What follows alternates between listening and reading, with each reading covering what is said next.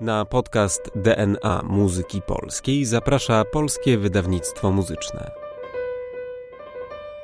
Dzień dobry Państwu. Moim gościem jest dzisiaj dr Michał Piekarski.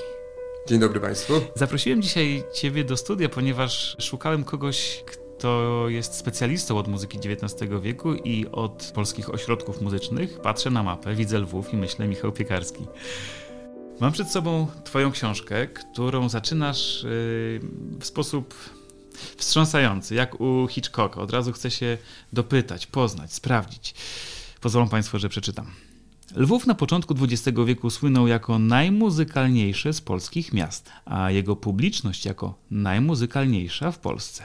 Na tę opinię składała się z jednej strony ogromna liczba instytucji i szkół muzycznych, a także działających w mieście muzyków, z drugiej zaś publiczność licznie uczęszczająca na koncerty i spektakle. Artur Rubinstein wspominał. Aż po pierwszą wojnę światową Lwów był jedynym miastem, w którym zawsze mogłem liczyć na całkowicie wyprzedaną salę. Yy, czy to prawda? Cytaty są prawdziwe. Pierwszy był autorstwa Adolfa Chybińskiego, zresztą nie tylko on zwracał uwagę na to, że Lwów był bardzo muzycznym miastem i takim najmuzykalniejszym w Polsce, czy na ziemiach polskich w okresie zaborów. Drugi cytat jest ze wspomnień Rubinsteina. Rzeczywiście możemy powiedzieć o wyjątkowej randze Lwowa, zwłaszcza w XIX wieku, aż do I wojny światowej, bo miasto to ono nie było specjalnie duże, jeżeli chodzi o Europę. Ono może było duże, jeżeli chodzi o ziemię polskie. To był drugi po Warszawie ośrodek akademicki tej, tej wielkości, ale trzeci już w drugiej połowie XIX wieku po Warszawie i Łodzi, bo Łódź tutaj bardzo miała dużo mieszkańców i wyprzedziła, ale to nie liczba mieszkańców była decydująca dla rozwoju życia muzycznego, co Lwów świetnie pokazuje.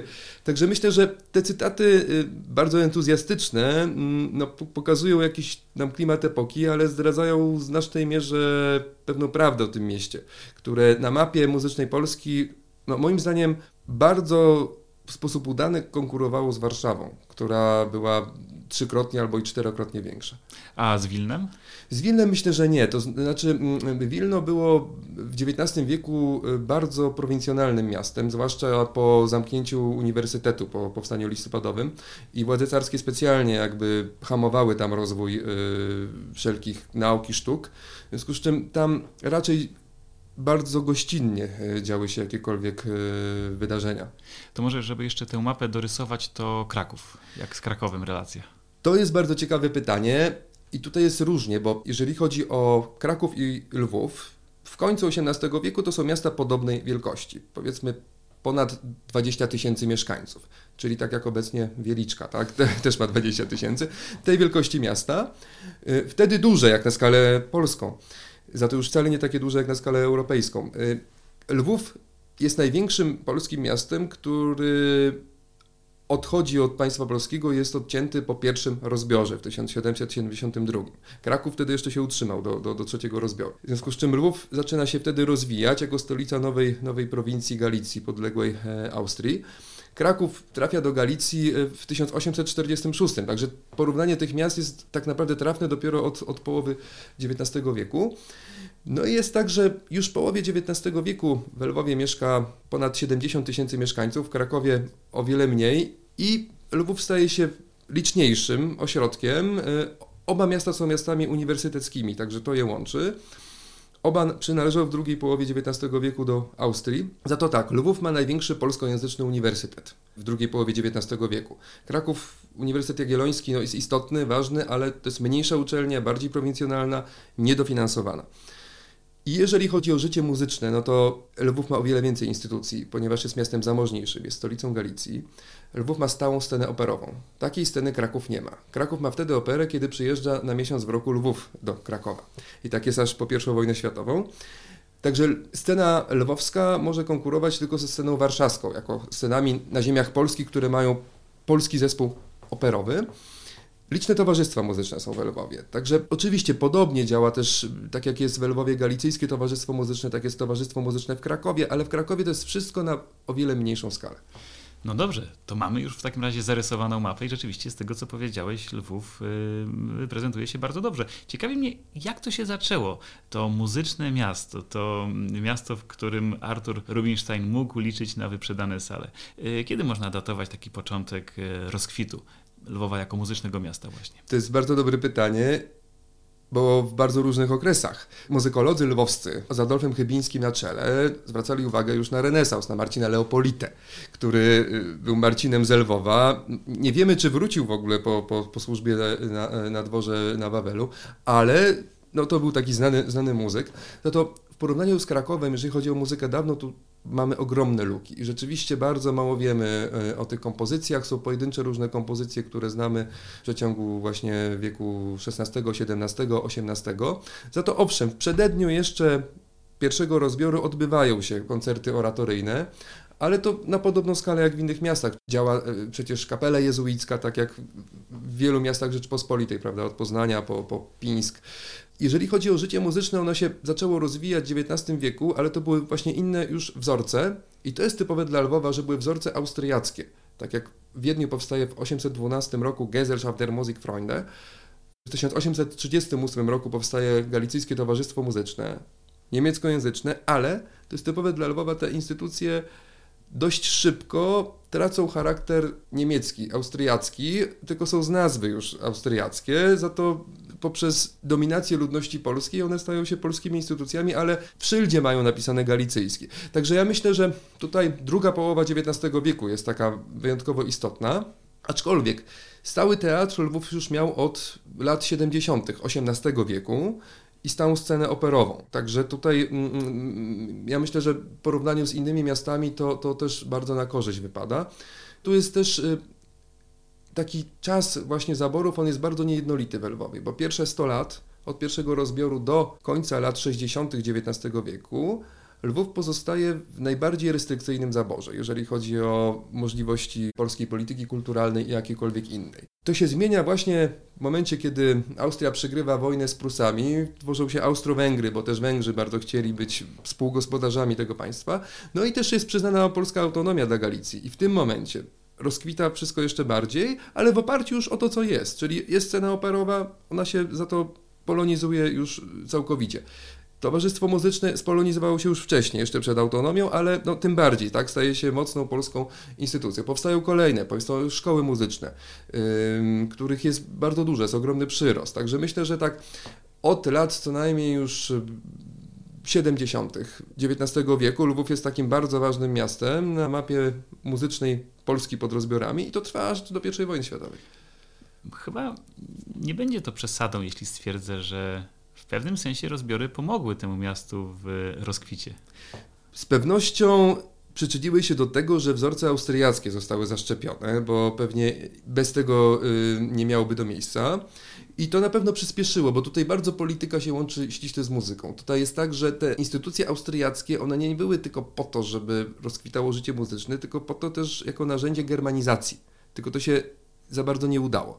Za to było tak, bo teatr no, był takim świetnym narzędziem, bo teatr miał przede wszystkim być niemiecki. Pozwolenie na koncesję dla sceny polskiej było, mm, o nie trzeba było się ubiegać, tak? I scena polska miała gorsze dni, y, to nie były nigdy niedziele, y, w związku z czym to wszystko tak, tak działało. Za to rzeczywiście te wzorce były świetnie wykorzystane.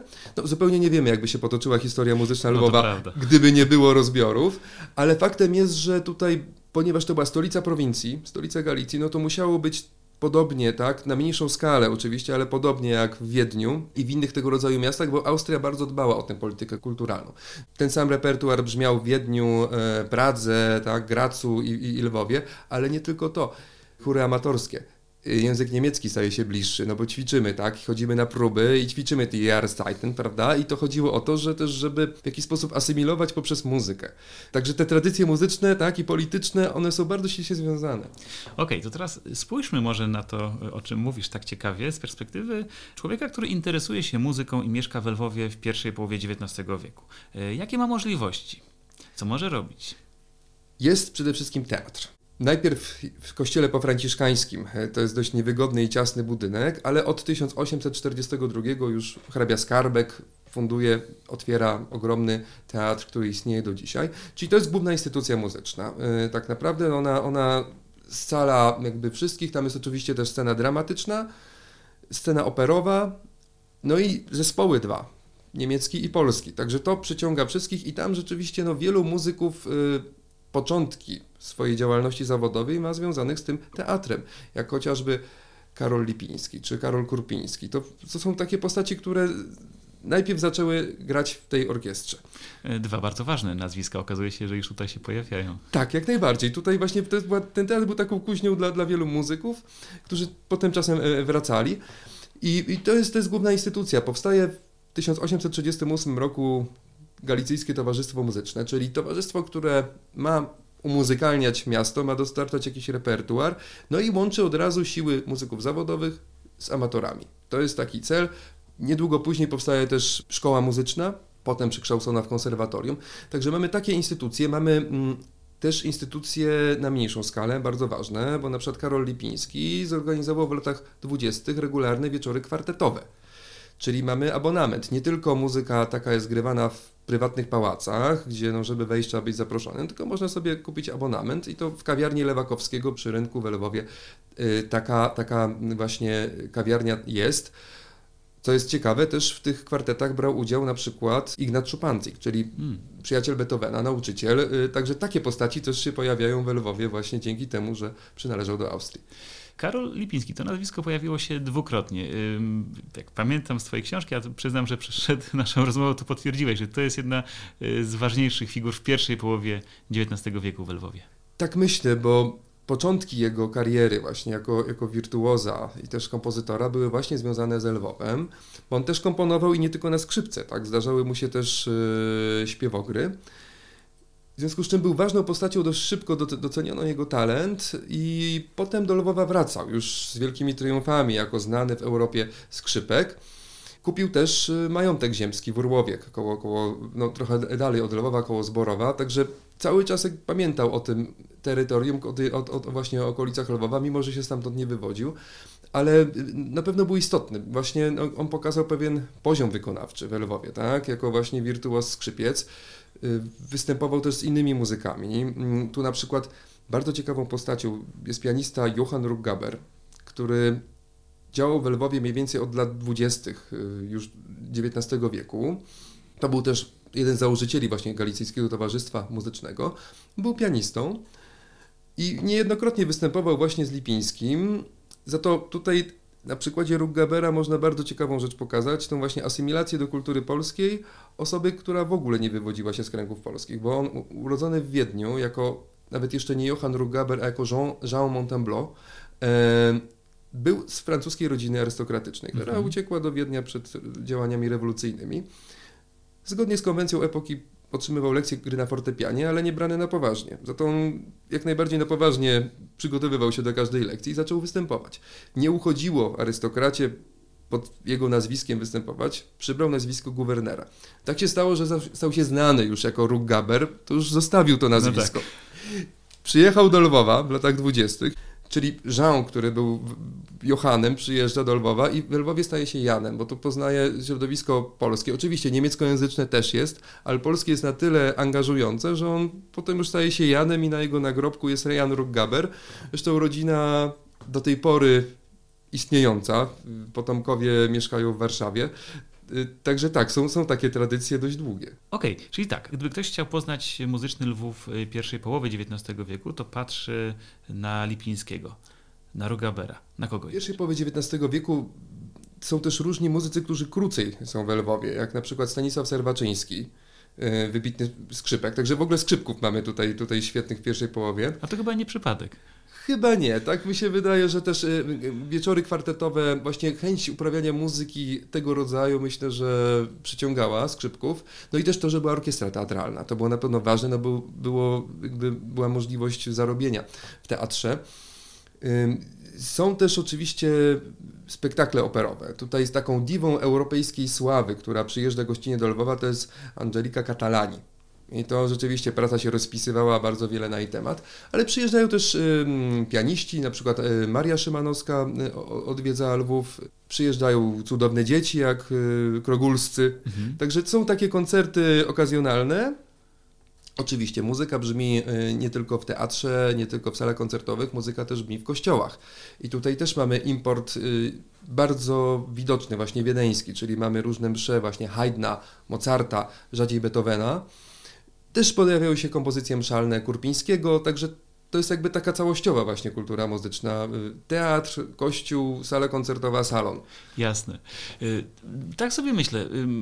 Chyba mam już y, takie wyobrażenie na temat tego, co brzmiało, bo jak rozumiem, Lwów był bardzo na czasie. Tam dosyć szybko docierały y, te rzeczy, które się pokazywały w salach koncertowych i ukazywały drukiem na zachodzie Europy. Tak, to było dość częste. Oczywiście nie zawsze. No tak. Ale na przykład importy z Wiednia bywały częste, bo Czarodziejski flet wykonano już w 1792 roku.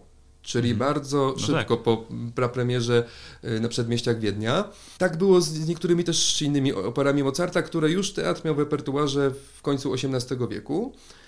Oratoria Haydna właśnie, też y, właśnie Pory Roku, Stworzenie Świata, czy opery Rossiniego, to dość jakby szybko krążyło, szybko było wykonywane, ale też opery polskie, bo mm, w Lwowie już w XVIII wieku, y, w latach 90. wykonywano mm, Krakowiaków Figurali Stefaniego, wykonywano Agatkę Holanda, potem w XIX wieku wykonywano y, Cud Miemany Kurpińskiego, także dość, dość szybko, du, duże było zainteresowanie. Oczywiście publiczność domagała się tych polskich oper bardzo. Także Kurpińskiego Cud był w pierwszej połowie XIX wieku grany ponad 40 razy hmm. przy, jak podkreślę, no, limitowanej możliwości y, grywania tej sztuki, no bo musiał teatr no tak, niemiecki to, zajmować tak. konkretne tak. dni. W związku z czym to jest tak, że nie można było tyle dać spektakli nawet y, o ile się domagała publiczność.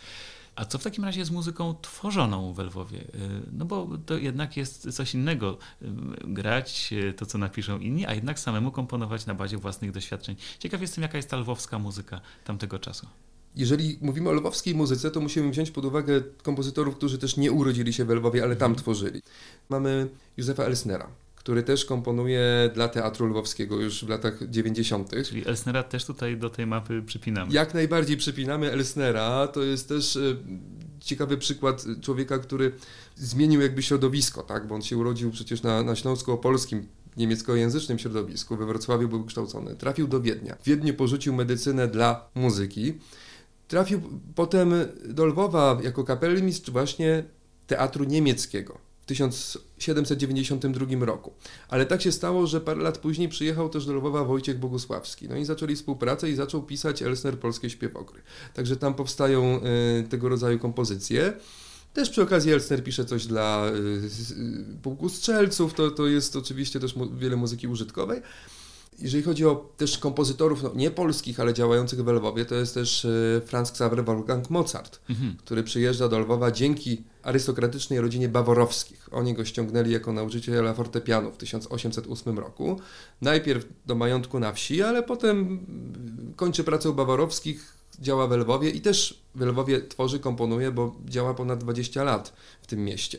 Także on się to wiecie, łączą się wątki tutaj y, syna Mozarta z Karolem Lipińskim. To jest jedno środowisko, bo no, nie zapominajmy, Lwów w pierwszej połowie XIX wieku ma około 50 tysięcy mieszkańców, także wyobraźmy sobie też takie miasto jakby Polsce, tak, tej wielkości, tak, powiedzmy współczesny przemyśl, jakby wszyscy się znają, no tak? tak. To, to, to, to, nie można mówić o różnych środowiskach. To prawda.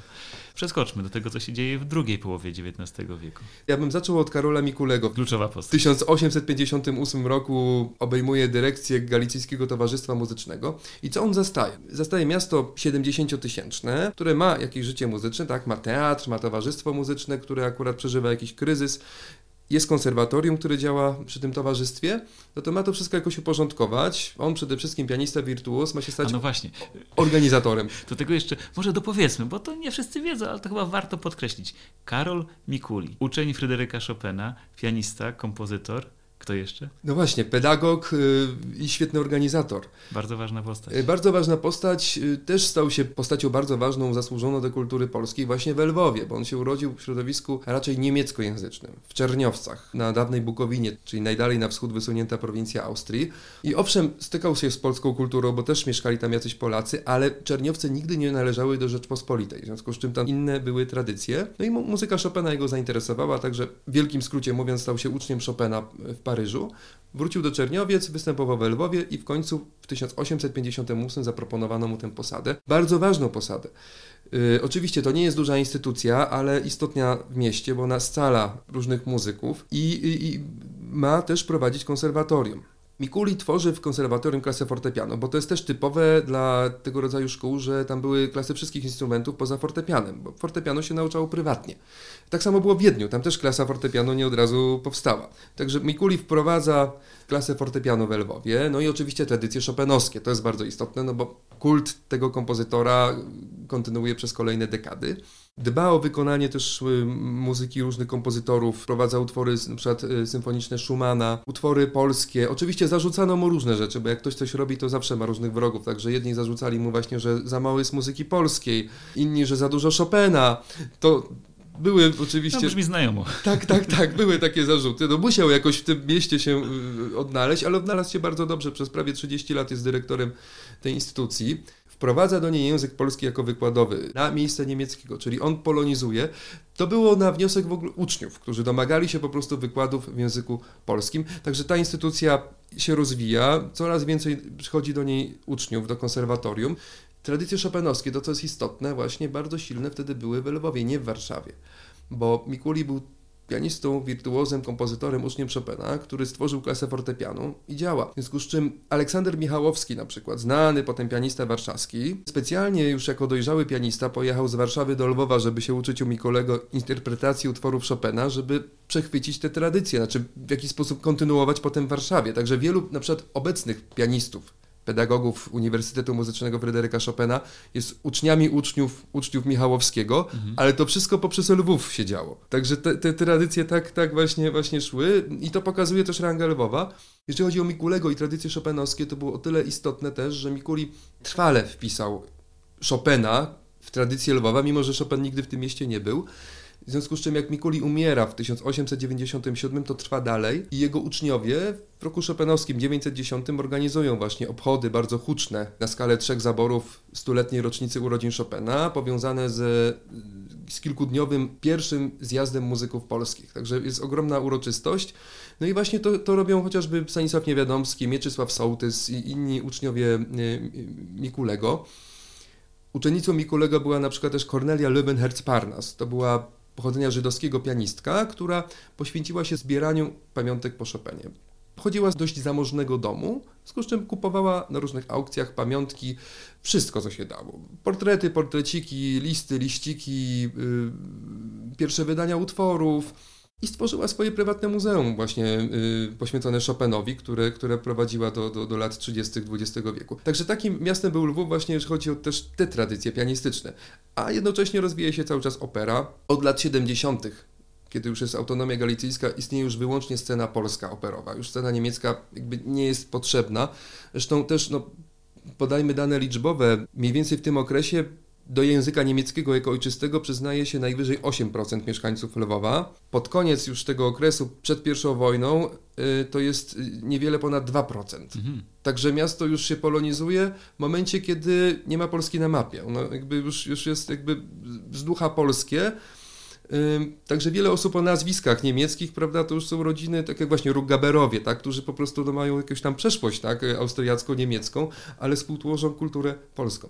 A co z muzyką instrumentalną? To mnie ciekawi, bo to też jest moment, w którym tego typu muzyka i zespoły ją wykonujące kwitną. Jak najbardziej.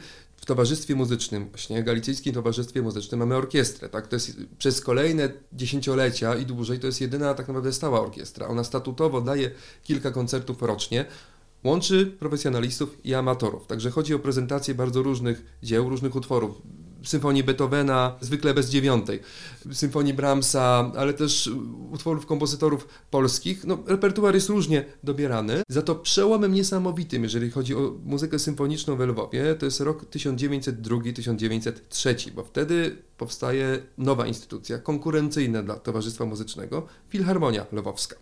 Czyli miasto jest duże, zbliża się do 200 tysięcy i ma jeszcze więcej konkurencyjnych instytucji. To była świetna orkiestra złożona z muzyków czeskich i miejscowych. Do dyrygentów należał chociażby Henryk Melzer. I tam się odbywają w 1903 y, niesamowicie spektakularne wydarzenia, bo są koncerty kompozytorskie i tak, przyjeżdża do Lwowa Ryszard Strauss, przyjeżdża do Lwowa Gustaw Mahler, przyjeżdża do Lwowa Mieczysław Karłowicz. No proszę. I to są takie nazwiska, które publiczność lwowska w ciągu jednego niecałego roku może usłyszeć jako kompozytorów. Bardzo dobre jest przyjęcie tej muzyki, także to chodzi o muzykę symfoniczną, bardzo dobry jest początek. Oczywiście nie było tak przez cały czas, bo po tym jednym spektakularnym sezonie ta orkiestra uległa rozwiązaniu i potem były próby organizacji innych orkiestr, ale to już były bardzo dobre takie początki tej właśnie mocnej tradycji symfonicznej związanej z inną instytucją, zwłaszcza, że konkurencja też powoduje, że się rozwija dotychczasowo jedyna instytucja, tak? To, to bardzo dobrze działa. Także Lwów był bardzo otwarty na muzykę, też na muzykę nową. Yy, tutaj mówię o młodej Polsce. W Lwowie przed I wojną światową na kilka lat osiedlił się Ludomir Różycki. A no właśnie, o to chciałem zapytać. Świetnie, że doszedłeś do tej No i żeby mówić muzykę symfoniczną, tak. I tu jest bardzo dobry odbiór tej, tej twórczości. Oczywiście są różne recenzje, tak. Niektórzy krytykują, to zawsze tak jest. Yy, ale jednak publiczność uczęszcza na te koncerty. Yy, odbywa się prapremiera opery Bolesław Śmiały. Także tutaj kompozytorzy Młodej Polski, poza Karłowiczem właśnie, też, też yy, niejednokrotnie spotykali się z bardzo dobrym przyjęciem. Właśnie Różycki, no i to jest też miasto, które bardzo dobrze poznało się od razu na talencie Karola Szymanowskiego. No właśnie. No wyprzedasz moje pytania, bo no cóż, skoro mówimy o okresie zaborów, dochodzimy do gdzieś roku 1918, no to jednak Szymanowski pojawić się musi i rozumiem, że z Lwowem też był związany, głównie za sprawą swojej siostry. Tak, to był Stanisławy Szymanowskiej, która mieszkała w Lwowie na stałe i była śpiewaczką, pieśniarką zwłaszcza, znaną w Lwowie, ale to jest głównie też okres międzywojenny, a tutaj się zatrzymujemy na pierwszej wojnie, za to jak było z Szymanowskim i z Lwowem? Tutaj wróćmy do roku Chopinowskiego 910, bo jest mnóstwo właśnie y, wtedy uroczystości, tak, jest otwarcie nowej sali koncertowej w konserwatorium. Jest też rozpisany konkurs kompozytorski, który wygrywa sonatą fortepianową właśnie Karol Szymanowski, także już wtedy został doceniony. I to jest świetny początek właśnie y, obecności Karola Szymanowskiego w Lwowie, który nigdy na stałe w tym mieście nie mieszkał, ale zawsze bardzo chętnie przyjeżdżał, zawsze był bardzo dobrze odbierany. Y, zarówno przed I wojną, jak i potem w latach 20. Y, i 30. Patrzę na, na to, o czym powiedzieliśmy. Mamy piękny fresk z instytucjami, z kompozytorami. Brakuje mi jeszcze dzieła, ale ja wiem o co zapytam, bo takie dzieło symboliczne, pokazujące ten potencjał miasta, y, niedawno odkryłeś. Tak, jeżeli chodzi o dzieła, to są bardzo różne oczywiście do odkrycia. Ja myślę, że wiele oper, y, na przykład Jareckiego też, też jestem bardzo ciekaw jak brzmi, ale na taką skalę mniejszą, ale równie interesującą, takim dziełem jest kantata Karola Mikulego. To dopowiedzmy, nie było o niej wiele wiadomo, a dzisiaj wiemy znacznie więcej. To jest y, odkrycie, które naprawdę budzi szacunek. Rzeczywiście kantata pojawiała się w różnych encyklopediach, ale tylko z nazwy. Ja twórczością Mikulego interesuję się już od kilkunastu lat i drążyłem, gdzie ten utwór jest. No niestety natrafiałem wszędzie na próżnię, bo szukałem w bibliotekach lwowskich. Nie ma. Może tam jest, ale nie skatalogowana, w każdym razie nikt o niej nie wie. Nie ma tej kantaty w żadnej znanej mi bibliotece na terenie obecnej Polski, także w Krakowie, w Warszawie. Nie ma jej w Bibliotece Narodowej w Wiedniu, ani też bibliotece y, w Lipsku, a w Lipsku była wydana w 1880 roku. I przypadek sprawił, że też szukałem y, w Berlinie tej kantaty przy okazji zupełnie innych poszukiwań. A, sprawdzę, może tutaj. Może pod M, tak, sprawdzę, nagle patrzę, katalog kartkowy i jest. I to jest bardzo ciekawe, że zachowana. Ukazała się w 1880 roku od razu w dwóch wersjach, na baryton i fortepian i na baryton i kwintes smyczkowy. Obie wersje, jeżeli chodzi o głos wokalny, są takie same. Tytuł jest Diroje, żal skrucha. Często pada, pada właśnie y, y, zdanie, jest zu spät, po prostu, że już na wiele rzeczy już jest za późno, bo był czas, kiedy człowiek był młodszy. Świetnie napisany utwór, e, bardzo zgrabnie napisany, dla głosu wokalnego. Niedawno miałem okazję go usłyszeć, bo Polska Opera Królewska właśnie miała taki koncert, dostarczyłem im nuty, gdzie były trzy opusy pieśni i kantata di Roje Mikulego. To było prawykonanie warszawskie na pewno, a myślę, że po ponad 120 latach w ogóle przypomnienie tego dzieła po, po jego zapomnieniu. Świetny utwór, właśnie on pokazuje kolejne oblicze Karola Mikulego, bo Mikuli był pianistą i kompozytorem. Tworzył tak jak Chopin mazurki, polonezy fortepianowe i miniatury fortepianowe, ale to jest tylko jeden jeden nurt jego twórczości. Mikuli świetnie też czuł głos wokalny i o tym w ogóle zapominamy, no bo mało kto wykonuje jego pieśni. Są trzy opusy pieśni i jest kantata di Roje dedykowana Johannesowi Brahmsowi w 1880 no roku. To podkreślmy to. Tak. To, bo to też pokazuje jakby specyfikę tego miejsca. Oto jest Lwów, oto jest Karol Mikuli i oto jest Johannes Brahms. No w zasadzie y, na jednym poziomie możemy to wszystko przekazywać. Jak najbardziej, bo to jest też nieprzypadkowy rok, bo w 1880 1880 właśnie Brahms odwiedził Lwów razem z Józefem Joachimem i tam wystąpił. Y, także poznał wtedy Mikulego, w tym samym czasie kantata ukazuje się drukiem, także to wszystko jest powiązane. I y, naprawdę utwór jest bardzo ciekawy, brzmi fantastycznie i ja myślę, że on jest nie tylko ciekawy dla tych, którzy rekonstruują przeszłość i po prostu jako jakieś tam świadectwo epoki, tylko ja myślę, że on jest atrakcyjny muzycznie. To jest teraz dobry czas, bo y, wraca Różycki, jest coraz więcej jego nagrań, Rogowski, więc y, kto wie, może czas na Mikulego także. Ja myślę, że tak. Ja myślę, że zwłaszcza na Mikulego nie tylko pianistę, bo tutaj no tak. Fonografia istnieje. Oczywiście warto nagrywać kolejne utwory y, fortepianowe, bo, bo, też ich jest dużo i są różne bardzo, bo są takie postczopenowskie, są też inspirowane folklorem Bukowiny, ale Mikuli wokalno-instrumentalny to jest Mikuli całkowicie zapomniany. A uważam, że świetnie pokazuje kilka stron. Po pierwsze zainteresowania inne niż Chopina i te pieśni tak naprawdę brzmią podobnie jak pieśni Brahmsa czy Schumana, a nie są w żaden sposób kopiami, tylko po prostu one powstają zresztą w tym samym czasie. Poezja niemiecka. Tutaj mamy Goethe, Heine, mamy mm, Eichendorff, y, różni tacy właśnie poeci i bardzo znani i mniej znani. Ukazują się drukiem pieśni w latach 60., y, a jeden opus w 1880. Także to jest taki też ciekawy okres, kiedy kończy się ta hegemonia języka niemieckiego. Te pieśni Mikulego i kantata, bo to wszystko są do tekstów niemieckich, one no, pokazują bardzo duże zakotwiczenie Mikulego w kulturze niemieckojęzycznej ale one jakby są podsumowaniem już tego okresu. Ja to tak bym widział, bo potem y, coraz większe zainteresowanie wyłącznie poezją polską, no bo to też jest tak, że w kulturze ma wtedy ujście jakaś chęć y, zademonstrowania polskości, bo nie ma państwa, tak? To jest taka sytuacja, że no, tu szukamy, gdzie jest to możliwe, w związku z czym, mimo że były dedykowane te pieśni właśnie y, Lwowiankom, no to one przestają być wykonywane też i tak naprawdę mało mamy bardzo informacji na ten temat, a jeśli chodzi o kantatę, to już, to już wcale, przynajmniej do tej pory. I y, no, wraz z końcem XIX wieku kończy się też zainteresowanie twórczością Mikulego, zwłaszcza tą wokalno-instrumentalną. A niesłusznie. Niesłusznie, zupełnie. To uważam, że teraz właśnie pora, żeby do tego wrócić. Ja myślę, że tak, że w okresie międzywojennym było za wcześnie po prostu na odgrzebywanie kompozytora, który komponował do, do tekstów Hajnego mm -hmm. czy Goethego, bo... Nie po polsku. Tak, ale bo to też inna była sytuacja, no bo odradzona państwowość. Ja myślę, że jasne, inne jasne. były wtedy zadania. Ja myślę, że teraz naszym zadaniem jest spojrzeć na całościowo na Mikulego jako postać bardzo różnorodną, bo z pochodzenia Ormianin, a po matce Austriak. Działa y, najpierw w środowisku niemieckojęzycznym, potem działa w Lwowie, gdzie y, właśnie polonizuje towarzystwo muzyczne i konserwatorium, ale cały czas interesują go dwa nurty. I Fryderyk Chopin i właśnie kompozytorzy niemieccy, jak Johannes Brahms. Młodszy od Mikulego, ale, ale dla niego ważny. Także tutaj myślę, że jest to istotne, zresztą we wspomnieniach Raula Koczalskiego chyba była taka wzmianka, że przed Koczalskim na przykład Mikuli miał um, udawać, już teraz wiemy to, że bardzo się dystansuje od Brahmsa. Ale to wiemy, że to jest nieprawda. Oj, Koczalski to jeszcze jedna ciekawa postać, ale może to na następną rozmowę, bo dzisiaj chyba musimy powoli kończyć. E, czyli co? Kantata Karola Mikulego jako pewnego rodzaju symbol tego, co tworzono w Lwowie, e, wartości tej muzyki, wartości tego ośrodka muzycznego. Myślę, że to nie jest ostatnie słowo i że to nie jest nasze ostatnie spotkanie. Jeśli tylko znajdziesz jeszcze jakąś kantatę albo jakiś inny utwór, proszę daj znać, to na pewno się spotkamy i porozmawiamy o tym. Bardzo chętnie, zwłaszcza, że myślę, że Lwów zasługuje na taką właśnie pamięć, żeby ta mapa, zwłaszcza w okresie rozbiorów i też międzywojennym, muzyczna Polski była pełna. Bez Lwowa nie byłaby pełna. Dokładnie.